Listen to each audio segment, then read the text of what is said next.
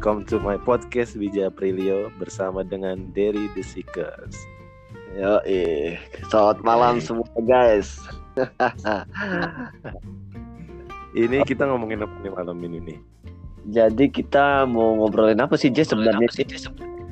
Gue sih tertarik ngebahas dengan kerjaan kita ya, yaitu freelance di syuting ya, dunia Oh, iya. lah. Bener banget nih guys. Tapi dengan kondisi kayak gini, kayaknya kita nggak bisa melanjutkan pekerjaan kita ya, bro. Iya betul sekali guys karena sekarang peraturan di Indonesia kan tentunya makin ketat ya guys ya dengan adanya lockdown dan ditambah lagi dengan PSBB jadi pekerja freelance kita gini ya mau nggak mau hanya bisa pasrah aja sama berdoa aja sama Tuhan gitu. Siapa lo ngomong apa? PSBB. PSBB PSBB apaan tuh PSBB? Ya, lu so English. Iya benar. Jadi gue tertarik ngomongin kerjaan kita nih, yaitu dunia entertain ya, syutingan. Jadi gue pengen nanya nih Der, kalau lu awal-awal syuting tuh kapan dan sinetron atau film apa? Awal pertama gua syuting itu sekitar tahun 2017. Itu pertama kali gua tertarik ikut dunia syuting itu sebenarnya memang dari SMP kan punya cita-cita ya. Cuma cita-cita gua ini agak labil, pengen jadi pilot lah, pengen jadi dokter lah, pengen jadi ini. Cuma ma- di SMP pada waktu gua masih SMP itu emang gua pengen banget jadi pemain FTV gitu sih awalnya. Dan akhirnya punya keinginan kayak gitu ya? Iya, sempat ada keinginan kayak gitu J gua. Emang harus gitu bro, cita-cita sekarang mah udah nggak mainstream lagi. Nggak ada yang sekarang. Kamu, nah cita-citanya apa? Jadi pilot, presiden, udah nggak ada coy. Sekarang mah kalau ditanya tuh anak kecil, kamu pengen jadi apa cita-citanya? Pengen jadi selebgram, pengen jadi youtuber, pengen jadi artis. Iya sih nggak nggak masalah itu cita-cita. Yang penting jangan sampai bilang aja lu jadi tiktokers. Oh my god. Dimusnahin ini mah. Lu nggak tahu kan sekarang yang main TikTok sekarang kena pidana coy. ya buat kalian yang masih main TikTok itu terserah kalian. Kita nggak melarang. Cuma ya kok bagi kita itu mah ya so cringe lah gitu. Oke. Ngedance ngedance sih ya ngedance yang serius gitu, nggak usah di TikTok. Direkam aja biar lebih keren gitu bro. Oke Mana lanjut lagi. Lagi yang copyright kan. Kali itu 2017 di film FTV lu ya pertama kali ya. Gua pertama kali syuting itu di film FTV itu kalau nggak salah apa ya di film Dernatan the Series kalau nggak salah. Iya, itu pertama kali Oh. gua ikut-ikut syuting. Bukannya dia Nathan tuh film layar lebar ya? Ada yang the seriesnya waktu itu sempat dijadiin sinetron Oh di, di gitu. televisi sih waktu itu. Itu pertama kali gue ikut syuting. Awalnya emang karena punya cita-cita kayak gitu sempat casting-casting juga ke PH-PH, keliling-keliling Jakarta lah. Pokoknya perjuangan banget tuh waktu itu pengen ikut-ikut syuting. Dan akhirnya dapat jalan itu dari awalnya sih dari saudara duluan sih saudara ikut syuting dan akhirnya ngontak dia gimana sih caranya supaya ikut syuting oh langsung ya. aja eh, eh, langsung aja ikut ke lapangan dan gue di situ dikenalin lah sama yang namanya agensi-agensi Oh iya iya. Berarti nggak jauh nggak jauh beda sih sama gue pertama kali itu. Gue tahun 2000 berapa ya? 2018 akhir tuh. Sama Nah, tuh diajakin FTV juga tuh, tapi FTV yang ini apa? Azab-azab ya kalau nggak salah gue nggak tahu dah. oh itu ya ya pertama kali ikut syuting banget ya, ya Iya, cuman karena pertama kali ya, jadi gue udah ngikut aja deh. Pertama kalinya juga ternyata gue nggak dipakai der, cuman selewat doang gitu, anjir kata gue. oke oke oke oke Makanya situ kan pengalaman lah ya. Sampai akhirnya lo punya pengalaman apa aja nih yang paling apa ya istilahnya paling tinggi lah. Maksudnya paling lumayan gitu loh bagi lo gitu loh.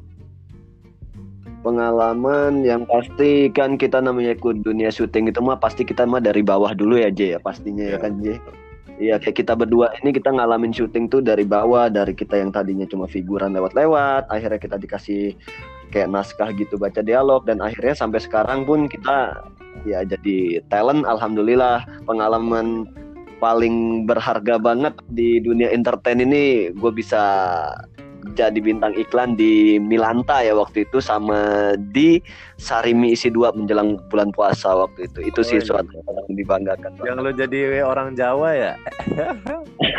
iya benar banget tuh yang gue jadi orang Jawa tuh Makanya Wah, itu pengalaman banget sih buat apa aja dah gue mah bingung. bingungnya kenapa tuh Iya maksudnya lu orang Palembang, orang Lampung tapi bisa bahasa Jawa gitu gue mah. Eh, kalau bisa bahasa Jawa tuh itu sebenarnya belajar dari mana ya? Dari mantan sih sebenarnya. Aduh, kenapa gue bilang di sini nih? Gak apa-apa. Setidaknya Eh, eh. setiap hubungan itu mendapat efek baik gitu loh walaupun berpisah. gitu. iya, karena kita tuh sama mantan tuh nggak boleh harus benci. Kita harus tetap sayang sama mantan kita. Kok melenceng nih kita topiknya balik lagi tuh. Balik lagi, oke, gue sekarang yang mau nanya ke lu nih, J. Apa itu? Nah, kalau pengalaman yang paling berharga selama lu di dunia syuting apa? Kalau gue kan tadi ya jadi talent di produk itu. Nah, kalau lu apa nih? Hmm, kalau lo lebih ke iklan sih ya. Kalau gue Iya. lebih ke eh, ini sih sinetron film. Gue pernah jadi apa sih temennya Farel tuh di Anak Langit tuh. Berapa lumayan ada empat episode terus lanjut lagi berapa bulan dari situ gue dapet peran lagi tuh di Anak Langit itu sekitar empat episode juga.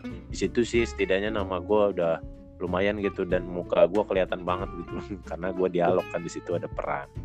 Sama iklan paling ya iklan gue mah selewat doang der. Di iklan link aja waktu itu Heeh. sebenarnya ada yang lain tapi bukan iklan-iklan komersial. Jadi mungkin buat apa ya? Mungkin buat perusahaan doang gitu loh. Yang nggak ditayangin di TV atau di eh, apa ya di media gitu loh maksudnya. Waktu itu pernah apa ya kayak iklan layanan masyarakat terus ini apa iklan provider Telkomsel. Cuman nggak kelihatan karena nggak di share di TV ataupun di sosial media sih. Kalau lu kan Milanta kan ini ya lebih ke komersial lah. Jadi di TV ada di sosial media juga ada ya. Iya, betul banget. Itu itu komersial banget sih waktu itu. Nah, Suara- kalian tuh kalau mau lihat jogetnya Derry kayak orang bego tuh ada tuh iklannya. Lu cari aja iklan Milanta tuh di YouTube. di YouTube ada atau bisa boleh guys uh, follow Instagram gua Derry The Seeker. Wih, tetap promosi ya anjir. Tetap promosi. boleh boleh boleh siap siap itu berarti awal masuk terus kita apa ya eh, pengalaman terbaik lah ya dalam situ ya. Nah sekarang dukanya der dalam persyutingan itu apa aja nih bagi lu? Hmm, Oke, dukanya ya. Ya pasti setiap perjalanan itu guys pasti ada dukanya. Namanya dari susah kan kita nggak tahu. Duka gue itu waktu itu adalah pertama kali ikut syuting itu jadi gue uh, waktu itu pernah jadi figuran. Itu gue cuma dibayar sekali lewat itu uangnya tuh 60.000 ribu J pada waktu itu. Ya lu sempet ngerasain dibayar 60.000 ribu ya? Iya gue pernah ngerasain dibayar 60.000 ribu. Karena itu kan gue sempet tinggal di daerah Tangerang ya. Dari Tangerang ke Jakarta itu gue naik motor itu hujan-hujanan Cuma karena pengen ikut syuting. Dan sampai sana dibayar 60 ribu Callingan pagi dan itu pulangnya pagi lagi. Rasanya tuh badan capek Sedih juga lah rasanya itu yang pertama sih dukanya di saat Ya pertama kali syuting Pertama kali tahu Jakarta tuh kayak gitu. Iya benar-benar. Iya lo habis transport habis tenaga ya. Iya betul banget. Naik motor guys. Hujan-hujanan sampai sana basah kuyup. Baju nggak seberapa waktu itu. Cuma dibayar 60 ribu 20 ribunya buat isi bensin dan sisanya tuh cuma cukup buat makan aja pada waktu itu kalau gue alhamdulillah sih nggak nggak seperih lu ya. Empat kali. Bayar itu ya 125 sih. Pernah cepet sih sekali itu. Kayak FTV gitu dan dari situ gue nyesel sih. Untungnya nggak sampai pagi kayak lu gila. Gue mah paling sampai sampai malam sih paling. Nah kalau duka selain itu sih apa ya? Paling di PHP-in sih pernah sekali tuh gue di calling nih nyampe sana cuman ternyata nggak jadi dia nggak butuh banyak-banyak gitu talentnya. Ternyata gue cuma dikasih ongkos doang 25.000 ribu tuh pulang. Uh, berapa? Cuma dikasih ongkos berapa itu, Ji? ongkos dua puluh lima ribu doang itu. Jadi dua puluh lima ribu. Iya itu nyampe nih jam pagi tuh jam 10 tuh disuruh pulang. Jadi sempet nunggu dulu karena dia nunggu konfirmasi dulu kan. Ya lu tau lah ya namanya uh, kayak kita gitu kan syuting suruh kumpul jam 8 padahal baru mulai mah jam 11 kadang kayak jam 1 hmm. Ya begitulah guys. Uh, cerita duka kita pertama kita nginjak Jakarta iya. tahu persyutingan ternyata entertain itu ada kerasnya juga guys. Oh. istilahnya makan asam garam tuh ditelan aja ya. Ya gimana sih bahasanya ya? Gitu kan ya asam garam kehidupan lah iya itu ditelan dan sampai sekarang alhamdulillah semua perjuangan suka duka sampai pertama ini akhirnya kita gapai dengan sampai sekarang ini alhamdulillah banget ya, udah membaik. mungkin ini udah Pada. jalan kita aja ya iya. dari persyutingan dari kenalan gitu loh kenalan-kenalan baru yang mungkin bisa berefek buat apa ya job kita selanjutnya gitu loh. Iya betul. Itu sih. Apalagi nih duka udah nah terus pengalaman sampai udah. pengalaman syuting. Ini masih di dunia persyutingan ya? Iya kita ngebahas yang cinlok cinlok aja nah, iya, bilang. Oke, berarti dunia percintaan di persyutingan nih kayak gimana nih menurut lo nih? Lu kan kayaknya expert banget nih dunia persyutingan masalah cinlok ya pasti kalian juga udah pernah sering dengar lah namanya orang di lokasi syuting itu pasti akan mengalami yang namanya cinlok. Ya, ya kayak gue jujur sih kalau gue tuh dibilang kak pernah cinlok nggak, bang pernah cinlok nggak? Gue nggak mau jawab sebenarnya cinlok tuh ya pasti ada yang gue rasain. Cuma kan itu latar belakangnya ya namanya selokasi syuting itu kadang-kadang ceweknya itu tuh nih gue ngomong aja nih. Yang penting jangan sebut nama bro. Cerita aja. Ya nama. Lu kalau misalnya satu pekerjaan sama-sama di lokasi gitu lu nggak akan bisa bersatu guys. Karena apa? Satu dia nggak bakal bisa ngimbangi kita dan kadang-kadang yang lebih jelas lagi tuh the point aja lah. Lu bakalnya bakalnya sering di PHP-in nah itu tuh guys. Gua kasih tahu. Betul betul betul betul banget tuh jadi emang apa ya mungkin uh, pemikiran anak-anak syutingan itu ya udah sekali ketemu di syutingan ketemu di situ udah beres udah lupa gitu mungkin. Ya mungkin bagi-bagi gue bukan mau ngejudge kaum wanita ya.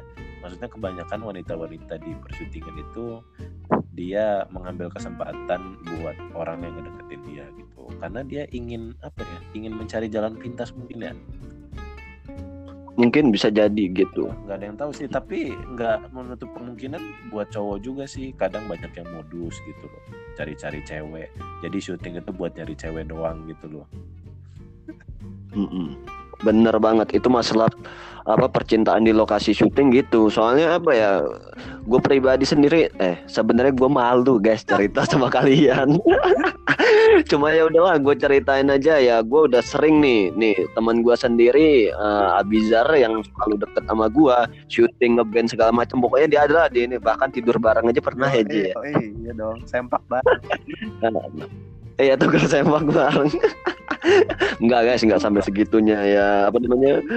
Uh, eh, gue tuh udah sering kali berpetualang lah mencari cinta-cinta ya kayak judul episode pertama gue tadi makanya I'm not fuckboy I'm sad boy gue tuh emang sad boy ya gara-gara ya gue berpetualang mencari cinta di perlokasian syuting itu nah. tapi dengan cara ya mulu miss gitu iya. nih, jadi susah buat dengerin cerita tentang Derry nih langsung dengerin aja podcast nih ya oh, episode iya. tentang dia sad boy but her not apa apa sih uh, I'm not fuck boy, I'm sad boy. ya, bego gua. Yeah. Uh, ya udah di episode 2 juga di channelnya Abizar Hasta La Vista okay. itu tentang percintaan juga. Gue udah baca tuh Lovepedia-nya keren banget. Oke oke oke. Siap siap. Terima tentang percintaan itu Balik. bisa jauh lah dari kita ya. iya. Nah sebenarnya kalau dalam di jiwa lu sendiri J. Lu sebenarnya lebih seneng jadi aktor di entertain apa lebih seneng jadi musisi? Soalnya kan dua alternatif nih yang kita pegang. Ini udah menjurus ke ini ya apa tujuan ya. Kalau gue yeah. pribadi nih ya uh, tujuan gua di dunia entertain itu uh, apa ya aji mumpung. Bukan aji mumpung sih kayak eh, coba-coba berhadiah gitu loh. Tapi sebenarnya gua seriusnya sih di dunia musik gitu loh. Jadi kalau mau di persentase itu mungkin kalau musik 70% buat jadi musisi dan 30 persennya buat jadi aktor di entertain. Kalau gue gitu sih. Kalau lu gimana bro?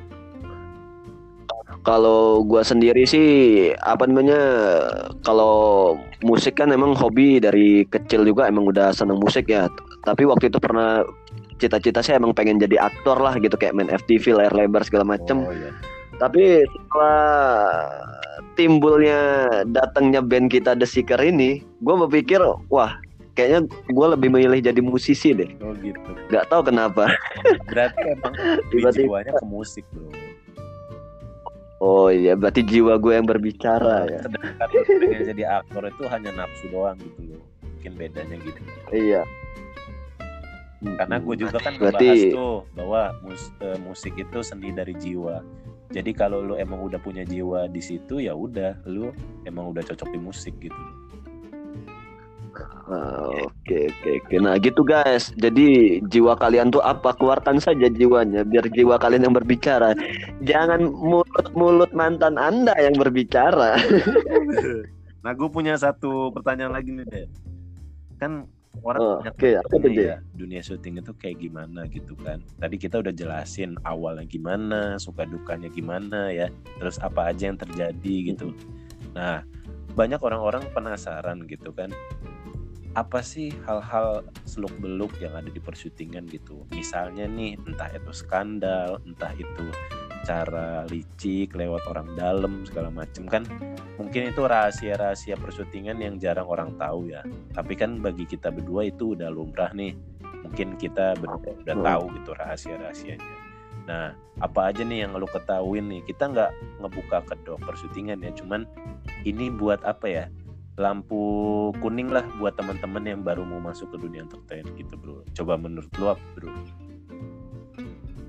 Uh, kalau menurut gua sih guys, kalau untuk ikut persyutingan sih, kalau misalnya ada orang yang mau nawarin, wah kamu bisa nih langsung jadi artis dengan bayar gini gini gini gini. Sebenarnya kalau misalnya lu ketemu orang kayak gitu, sebenarnya kok buat jadi artis tuh lu nggak perlu bayar guys. Jadi mendingan lu cari info casting, lu casting, udah itu aja. Jangan sampai istilahnya lu cari orang dalam lah, entah buat apalah karena kita nggak tahu latar belakangnya itu seperti apa. Pasti setahu gue namanya udah pakai bayaran itu ya begitulah ya, gitu gue nggak bisa ngomong sih cuma intinya yang aneh-aneh iya entah itu apalah itu urusan mereka. Intinya namanya mau jadi artis itu nggak ada kata namanya bayar. Yang jelas lu ikut casting lu seleksi. Itu aja sih guys yang ya sama aja kayak kerjaan apa pun. Lo mau naik jabatan aja lo harus usaha terus lo harus buat project kan. Sama aja kalau di dunia entertain lo harus mulai dari bawah dan uh, jalannya ya kalau nggak casting gitu ikut-ikut syutingan gitu walaupun mulai dari peran-peran kecil gitu. Sama ini sih kalau menurut gue deh kayak sebenarnya di dalam dunia persyutingan yang harus kalian nih yang pengen masuk gitu atau baru pengen nyoba harus hati-hati sih. Kadang ada sutradara atau orang-orang kru film yang nawarin kalian nih. Kalau bagi cewek biasanya sutradara tuh ada yang nawarin kamu mau nggak jadi pemeran utama gitu? Tapi ujung-ujungnya harus jadi pacar dia atau harus diajak jalan dulu gitu. Tapi kalau cowok tuh biasanya orang-orang make up atau agensi-agensi yang mungkin maaf ngomong banci gitu. Dia biasanya kadang ngincer cowok-cowok yang lumayan bagi mereka gitu. Bisa diajak atau dikasih keuntungan tapi harus diajak jalan dulu. Gitu sih yang harus kalian hati-hati ya.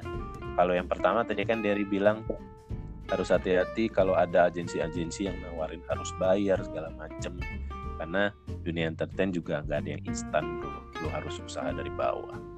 Gitu sih bro iya betul. Usaha dari bawah. Seperti yang gue ceritain tadi suka duka gue sama BJ itu pun dari bawah. Sampai sekarang ya alhamdulillah gitu hasilnya kan.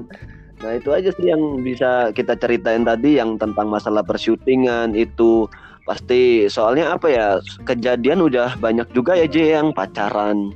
Karena dapat iming-imingan tadi kan? Banyak sih yang bukan bukan apa ya maaf ngomong tertipu gitu loh. Banyak yang tertipu. Tapi banyak kejadian ya banyak kisah nyatanya hmm, iya sih. Jadi kalian nih kalau yang baru pengen nyoba atau mau masuk dunia entertain ya ini kita berbagi pengalaman aja gitu loh. Bahwa ada apa aja di dunia entertain syutingan itu gimana suka dukanya dan apa yang harus kalian hindari gitu itu sih Oke deh bro, pas ya. kita sampai sini aja, mungkin semoga bermanfaat ya bro ya buat teman-teman kita yang baru mau masuk ya. Ya betul. Yang kita bisa berbagi pengalaman sesuai pengalaman masing-masing ya. Tapi kita kayaknya nggak jauh beda ya. iya, kita nggak jauh beda. Jangan-jangan kita uh... ada sensor. Oke, tutup deh dengan channel ya. dengan channel gua ya. Collab. Oke, Bro. Next nanti kita bisa collab-collab bareng lagi dengan topik yang berbeda ya, Bro. Oke deh teman-teman. Yo, iya pasti. Thank you ya yang udah dengerin. Gua BJ Aprilio dan dari Seeker pamit. Hasta la vista.